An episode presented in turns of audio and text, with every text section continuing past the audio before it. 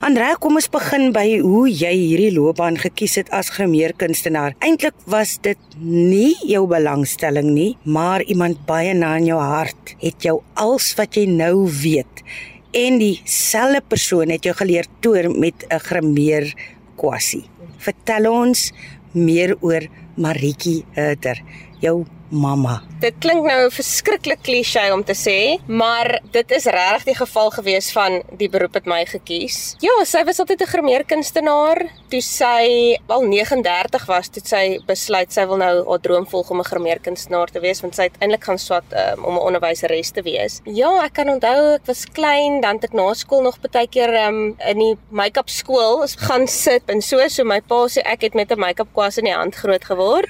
en ehm um, so het ek haar geassisteer toe ek so 15, 16 raak het sy my lekker geleer. Ehm um, en dan sy my saamgevat troues en shoots en goeters toe vir 'n ekstra sak geldjie. Toe het ek aangegaan om drama te swat na skool en die rigting, daai rigting nie lekker geweet wat ek wou doen nie. En toe sy oorlede is op die einde toe kom ek agter, Jesus, ek mis dit om make-up te doen. En toe ek dit maar so bietjie weer begin doen aan die kant terwyl ek gewaiter het en so en toe ek voel ek net ek het my passie gevind en toe begin ek dit voltyds doen. Ja. Maar die hele ding is ook toe dat jou ma is oorlede aan kanker. Sy was net 53, jy was 23 jaar oud.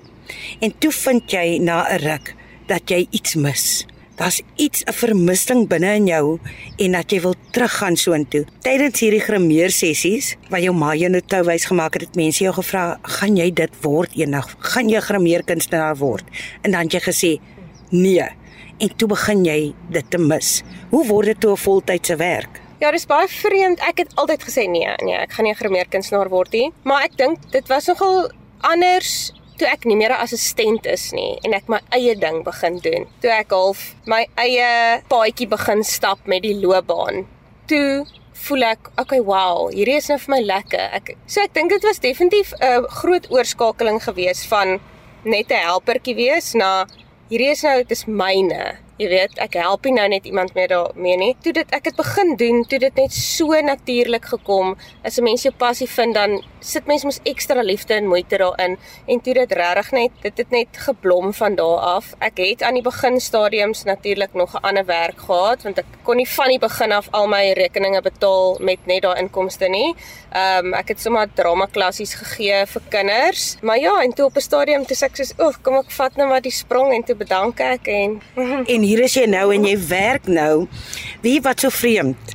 Laat ek net gou dit vir die luisteraars sê. Jy was mal oor Sewende Land. Wanneer sy grimering gedoen het vir bekendes, het sy jou nou saamgesleep sodat jy dan hierdie Sewende Land akteurs kon ontmoet. Nou werk jy eintlik in die bedryf op stelle van flieks en reekse. Jy is ook nou in 'n reeks betrokke wat na in jou hart is. Vertel ons meer oor daai reeks hmm. en hoekom dit na in jou hart lê om met daai vroue te werk. Dit is verskriklik snaaks want daar's soveel mense wat ek nou ontmoet wat ek destyds ontmoet het toe ek ek weet hy 9 jaar oud was en nou ontmoet ek hulle as ek doen nou hulle grimering. Daai tyd was ek net by want ek wou hulle so graag ontmoet het. So dit is 'n baie weird full circle oomblik. Ek het nou net klaar geskiet aan 'n reeks met die naam Herman en die Ladies saam met Herman Lensing. Herman is 'n ongelooflike mens en dit was sy idee en sy konsep gewees. Hy het ook sy ma verloor, sy het ook kanker gehad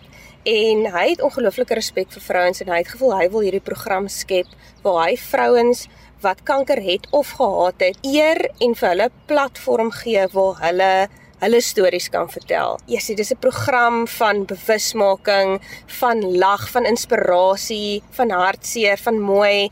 Dit is 'n ongelooflike program en ek kan regtig net vir Herman die grootste applous gee vir hierdie wonderlike konsep wat hy bymekaar gesit het. Raak dit vir jou persoonlike saak wanneer jy gremering moet doen van vroue wat ook uh, op 'n kankerreis gaan wat ook sukkel met die siekte, um, wat ook hulle stories daar vertel vir jou dalk wat hulle uitdagings was met die siekte. Vat dit jou nie dan terug na jou ma en haar uitdagings en hoe siek sy was nie of bring dit tog in 'n mate vir jou hoop? Dit was vir my moeilik. Ek moet sê ek het ek het gehuil hoor. Ek het gehuil op die program.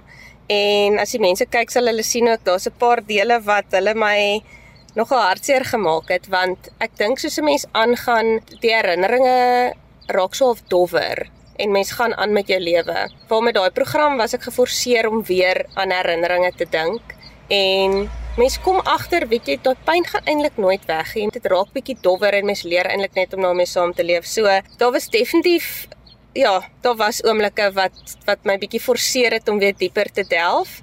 Maar ek dink dit is belangrik om deur daai seer en goeters te werk en dit nie so te onderdruk soos wat vrouens baie keer doen nie want ons wil sterk wees vir ons mans, vir ons kinders. Jy weet on, ons wil sterk voorkom, maar ek dink dit is so belangrik om uh, vulnerable ook te kan wees. Mm. Dat 'n mens moet broos wees en ook dan dit wat jy voel hanteer. Was dit vir jou uh vermoeiend om na dat jy so reeks geskiet het dan by die huis te kom of het jy jou afgesny van enige hartseer dan in daai opsig? Weet jy glad nie, want daar was hartseer, maar die hoop was soveel meer as die hartseer in daai program. Die vrouens se stories is so inspirerend dat ek elke dag by die huis gekom het en en hoopvol en en geïnspireerd gevoel het. Ek het nooit by die huis gekom met 'n swaar hart nie. En ek dink dis hoe mense ook sal voel wat die program kyk. Dit is nie 'n swaar hartseer program en dit is ongelooflik inspirerend, hoopvol en jy sien net, jy weet, ek voel 'n vrou, 'n vrou is 'n ander ding hoor. Ehm um, hulle hulle is sterk op 'n ander manier. Mm, Dink jy jou ma sou ongelooflik trots gewees het op jou as sy jou nou kon sien? Definitief, ek dink so. Baie mense sê vir my ek volg in haar voetspore. Maar ek wil ook graag vir mense sê dat ja, ek ek volg dalk tot 'n mate in haar voetspore, maar ek wil nie net haar legacy voordra nie, ek wil graag my eie legacy ook skep. En ehm um, ek dink dit is wat wat vir my ook belangrik is, is ek wil ek wil nie net altyd 'n extension um van haar wees. Sy het vir my baie geleer en sy het my genoeg geleer om te sê hier gat jy, hier doen jy jou eie ding. Maar ja, ag ek hoop, ek hoop Moekie kyk vir my en sy's trots. wat is die die een ding wat jou die meeste hoop gee wat jy geleer het uit jou ma se kanker reis? Ehm um, wat jy dalk kan deel met iemand wat nou daardeur gaan. Die ding wat ek die meeste geleer het was vrouens wat kanker het probeer te sterk wees want hulle wil die mense naaste aan hulle probeer beskerm. Hulle wil hê die mense na aan hulle moet sien hoe seer hulle kry en hoe moeilik dit vir hulle is nie. Maar ek dink ek wil hê vrouens moet hulle self toelaat om broos te wees en om vir ander mense te wys hulle kry swaar jy hoef nie altyd sterk te wees nie en ek dink wat vir my moeilik was is omdat my ma so sterk gestaan het, het ek nie altyd besef hoe swaar sy kry nie. Mm. So ek het nie dalk altyd vir haar soveel simpatie gewys of soveel ondersteuning gewys soos wat ek graag wou nie, want in my kop is hierdie vrou, sy's okay, sy gaan aan. Meanwhile na die tyd het ek eers agtergekom, frek het my sy swaar gekry, maar hulle probeer so sterk wees. En ek ek wil eintlik net vir vrouens aanmoedig om te sê dit is oukei. Okay. Jy kan tot 'n breekpunt kom. Jy kan huil en jy kan vir die mense naby aan jou wys hoe swaar jy trek want ons is daar om te help. Was daar liedjie wat jou deur jou swaar kry tyd gehelp het? Musiek maak mos altyd als beter, glo ek. Dit was die liedjie Vincent van daai Starry Starry Night wat hy so sing en en hy en hy sing daarvan, jy weet, a artist's hand en this world was never meant for one as beautiful as you en ag ja, daai liedjie het vir my baie baie beteken want die woorde daarin was my so gepas, jy weet, hierdie kunstenaar wat al die mooi in die wêreld gesien het en tog was hulle vroeg geneem. Daai liedjie het regtig my baie beteken en ons het dit ook by 'n begrafnis gespeel. Weathered faces lined in pain are soothed beneath the artist's loving hand. Now I understand what you tried to say to me and how you suffered for your sanity and how you tried to set them free.